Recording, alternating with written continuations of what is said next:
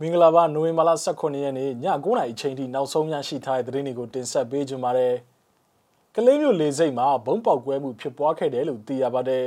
။အကြမ်းဖက်စစ်တပ်ကဖမ်းဆီးထားတဲ့စစ်တပ်သားများကိုကယ်ထုတ်ရန်တိုက်ခိုက်သွားမယ်လို့ RKDF ကသတင်းထုတ်ပြန်လိုက်ပါတယ်။စတဲ့သတင်းကြောင်းရာတွေကိုသတင်းတောက်ကျွန်တော်ထွန်းထွန်းဝင်းကတင်ဆက်ပေးကြပါမယ်။ ပထမဆုံးအနေနဲ့တင်ဆက်ပေးခြင်းတဲ့သတင်းကတော့ကလေးပြည်သူ့ကာကွယ်တပ်ဖွဲ့တရင်သုံးမှဖမ်းဆီးခံထားရတဲ့စစ်တပ်ဖွဲ့ဝင်များကိုအကြမ်းဖက်စစ်ကောင်စီလက်မှတ်ကယ်ထုတ်ရန်တိုက်ခိုက်သွားမယ်လို့ဒေသခံပြည်သူ့ကာကွယ်တပ်ဖွဲ့ဖြစ်တဲ့ Ranger ကလေး Defense Force မှဒီကနေ့နိုဝင်ဘာလ18ရက်နေ့ရက်စွဲဖြစ်သတင်းထုတ်ပြန်ကြေညာလိုက်ပါတယ်။ယမန်နေ့နိုဝင်ဘာလ16ရက်နေ့နနက်8နာရီခွဲခန့်အချိန်ကစကိုင်းတိုင်းဒေသကြီးကလေးမြို့နယ်အနောက်တောင်ပိုင်းမှာရှိတဲ့ကလေးမြို့ကာကွယ်တပ်ဖွဲ့ကလေး PDF ရဲ့ကာကွယ်စကန်တစ်ခုကိုစစ်ကောင်စီတပ်သားများက ဝင်ရောက်တိုက်ခိုက်ခဲ့ပြီးတော့စစ်တပ်သားများဖမ်းဆီးခြင်းခံခဲ့ရတာပါဖမ်းဆီးခံရသူအများစုမှာကလေး PDF တရင်သုံးမှ Medical တင်းအဖွဲ့ဝင်များဖြစ်ပြီးတော့အမျိုးသား2ဦးနဲ့အမျိုးသမီး10ဦးပါဝင်ကြောင်းသိရပါတယ်ဆိုပါဖမ်းဆီးခံအမျိုးသမီးများရဲ့ပုံကလည်းလူမှုကွန်ရက်စာမျက်နှာမှာပြန့်နှံ့လာပြီးတော့ကလေး PDF တရင်သုံးအောက်မှတက်ခွဲတစ်ခုရဲ့စစ်တပ်ဖွဲ့ဝင်များဖြစ်ကြောင်းကိုကလေး PDF ကအတည်ပြုပြောဆိုထားပါတယ်ဖမ်းဆီးခံထားရတဲ့ medical team မှာတပ်ဖွဲ့ဝင်များကိုပြန်လည်ကယ်ထုတ်ရန်အတွက် မိမိတို့ Ranger ကလေး Defense Force မှာစစ်ကောင်စီတပ်သားစစ်ခွေးများကိုရွရွချွချွန်တိုက်ခိုက်ချိန်မုံသားမှာဖြစ်ကြောင်းကိုအသိပေးအပ်ပါတယ်လို့ RKDM မှသတင်းထုတ်ပြန်ကြေညာလိုက်ပါတယ်။ကလေးမြို့နယ်အနောက်တောင်ဘက်တောင်ကျောတလျှောက်မှာအကြမ်းဖက်စစ်ကောင်စီစစ်ကြောင်းများနဲ့နေမြေကန်ပြည်သူ့ကာကွယ်ပူးပေါင်းဖွဲ့များတိုက်ပွဲတွေပြင်းထန်လက်ရှိပြီးတော့ပြည်သူများလုံခြုံရေးတတိရှိရတဲ့ဒေသခံတပ်များရဲ့ထုတ်ပြန်ချက်များမှာပါရှိပါတယ်။ ဆက်လက်ပြီးတင်ဆက်ပေးခြင်းတဲ့သတင်းကတော့စကိုင်းတိုင်းဒေသကြီးကလေးမြို့လေကောင်တာဟန်ရက်ကွက်နေကြတိုက်လမ်းကြမှာရှိတဲ့အကြမ်းဖက်စစ်ကောင်စီရဲ့စစ်ဆေးရေးဂိတ်ကိုဒီကနေ့နိုဝင်ဘာလ18ရက်နေ့ကဝင်ရောက်ပစ်ခတ်တိုက်ခိုက်ခဲ့တယ်လို့ PDF ကလေးရဲ့အဖွဲ့ဝင်တို့ကဆိုပါတယ်။နေ့လယ်2နာရီကျော်လောက်ကစပစ်တာပါစစ်တပ်က2ယောက်သေတယ်ဒဏ်ရာရတော့တာတော့မသိရဘူးလို့၎င်းကဆိုပါတယ်။ပြစ်ခတ်မှုအပြီးမှာတော့အာထကနဲ့အထက်တန်းကျောင်းလမ်းကိုအကြမ်းဖက်စစ်ကောင်စီတပ်သားများက ပိတ်ထားတဲ့အပြင်မှာနေကြတိုက်လမ်းမကြီးတစ်လျှောက်မှာစစ်ဆေးမှုတွေတင်းကျပ်လက်ရှိတယ်လို့ဆိုပါတယ်။နေကြတိုက်လမ်းကြားမှာရှိတဲ့စစ်ဆေးဂိတ်မှာစစ်ကောင်စီတပ်ဖွဲ့ဝင်9ယောက်နဲ့9ယောက်ကြားပုံမှန်ရှိနေတတ်တယ်လို့ဆိုပါတယ်။ယမနေ့နိုဝင်ဘာလ16ရက်နေ့ကကလေးမျိုးတာဟန်းရက်ကွက်မှာရှိတဲ့ရဲစခန်းကို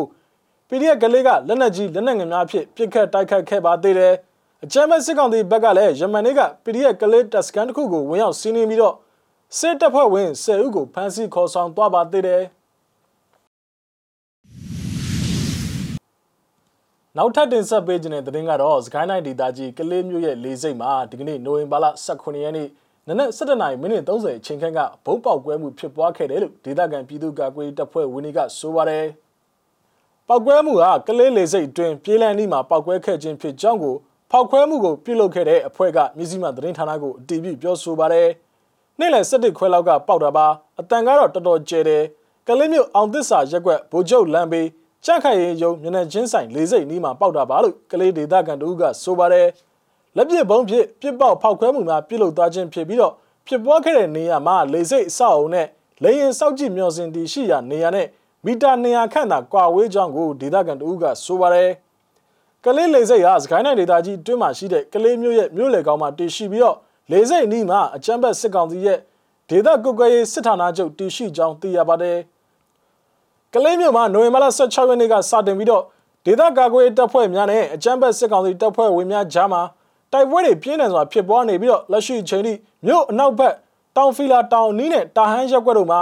ပြစ်ခတ်တံများရှိခဲ့ကြောင်းကိုဒေသခံများကဆိုပါတယ်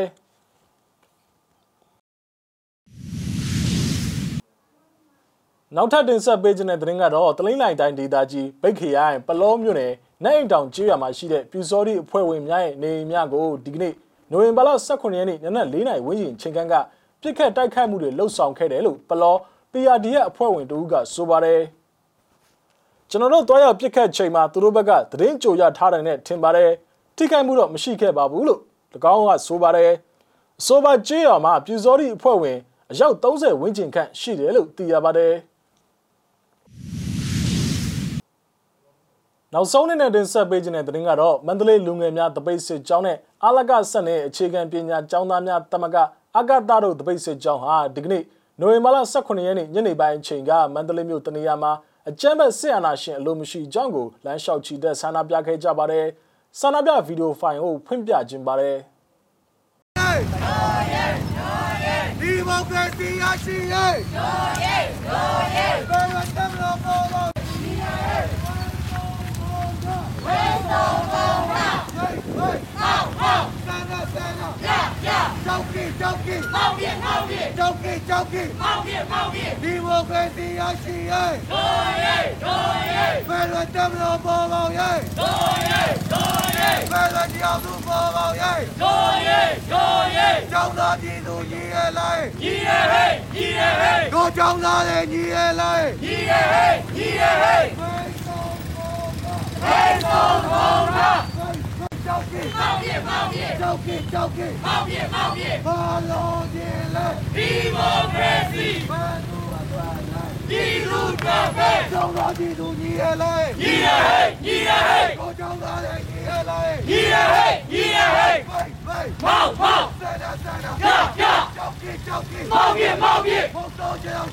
ကြောက်ကီမောင်ပြေမောင်ပြေကြောက်ကီကြောက်ကီမောင်ပြေမောင်ပြေဘာလို့ဒီလဲဒီမိုကရေစီဘာလို့အတွက်လဲဒီလူတွေပဲကျောင်းသားပြည်သူညီရဲ့လိုက်ညီရဲ့ဟဲ့ညီရဲ့ဟဲ့တို့ကျောင်းသားတွေညီရဲ့လိုက်ညီရဲ့ဟဲ့ညီရဲ့ဟဲ့ဝေးဝေးမောင်မောင်ဆန္ဒဆန္ဒရရကြောက်ကီကြောက်ကီမောင်ပြေမောင်ပြေဘုံတော်ကြောင်သူမကြောက်ဘူးဘုံတော်ကြောင်သူမကြောက်ဘူးစစ်မနာသူမကြောက်ဘူးစစ်မနာသူမကြောက်ဘူးရဲတော်ဘအောင်ရပြီရဲတော်ဘအောင်ရပြီဒီဝကတိအချီရဲ့တော်ရဲ့တော်ရဲ့ဘယ်မှာတက်လို့ပေါ်ပါရဲ့တော်ရဲ့တော်ရဲ့ကျောင်းသားဒီတို့ကြီးရဲ့လိုက်ကြီးရဲ့ကြီးရဲ့တို့ကျောင်းသားရဲ့ကြီးရဲ့လိုက်ကြီးရဲ့ကြီးရဲ့ရဲတော်ဘအောင်ရပြီရဲတော်ဘအောင်ရပြီရဲတော်ဘအောင်ရပြီ ဟုတ်ကဲ့ပါနိုဝင်ဘာလ18ရက်နေ့ည9:00နာရီချိန်ထိနောက်ဆုံးရရှိထားတဲ့သတင်းတွေကိုကျွန်တော်တို့မျိုးစိမှဝိုင်းတော်သားများကနေပြီးတော့တင်ဆက်ပေးခဲ့တာပါမြန်မာပြည်နယ်မှာနေထိုင်တဲ့မိဘပြည်သူတွေအကုန်လုံးဘေးရန်နဲ့ကင်းရှင်းကြပါစေလို့ဆုမကောင်းတောင်းပန်ပါတယ်လက်ရှိဖြစ်ပွားနေတဲ့ COVID-19 ကပ်ရောဂါနဲ့ပတ်သက်ပြီးအထူးကြီးစိုက်ကြဖို့ကိုကျွန်တော်တို့မျိုးစိမှဝိုင်းတော်သားများကတိုက်တွန်းနှိုးဆော်ခြင်းပါတယ်နောက်ထပ်ရရှိလာမယ့်သတင်းတွေအတူတူကျွန်တော်တို့ပြန်လာခဲ့ပါမယ်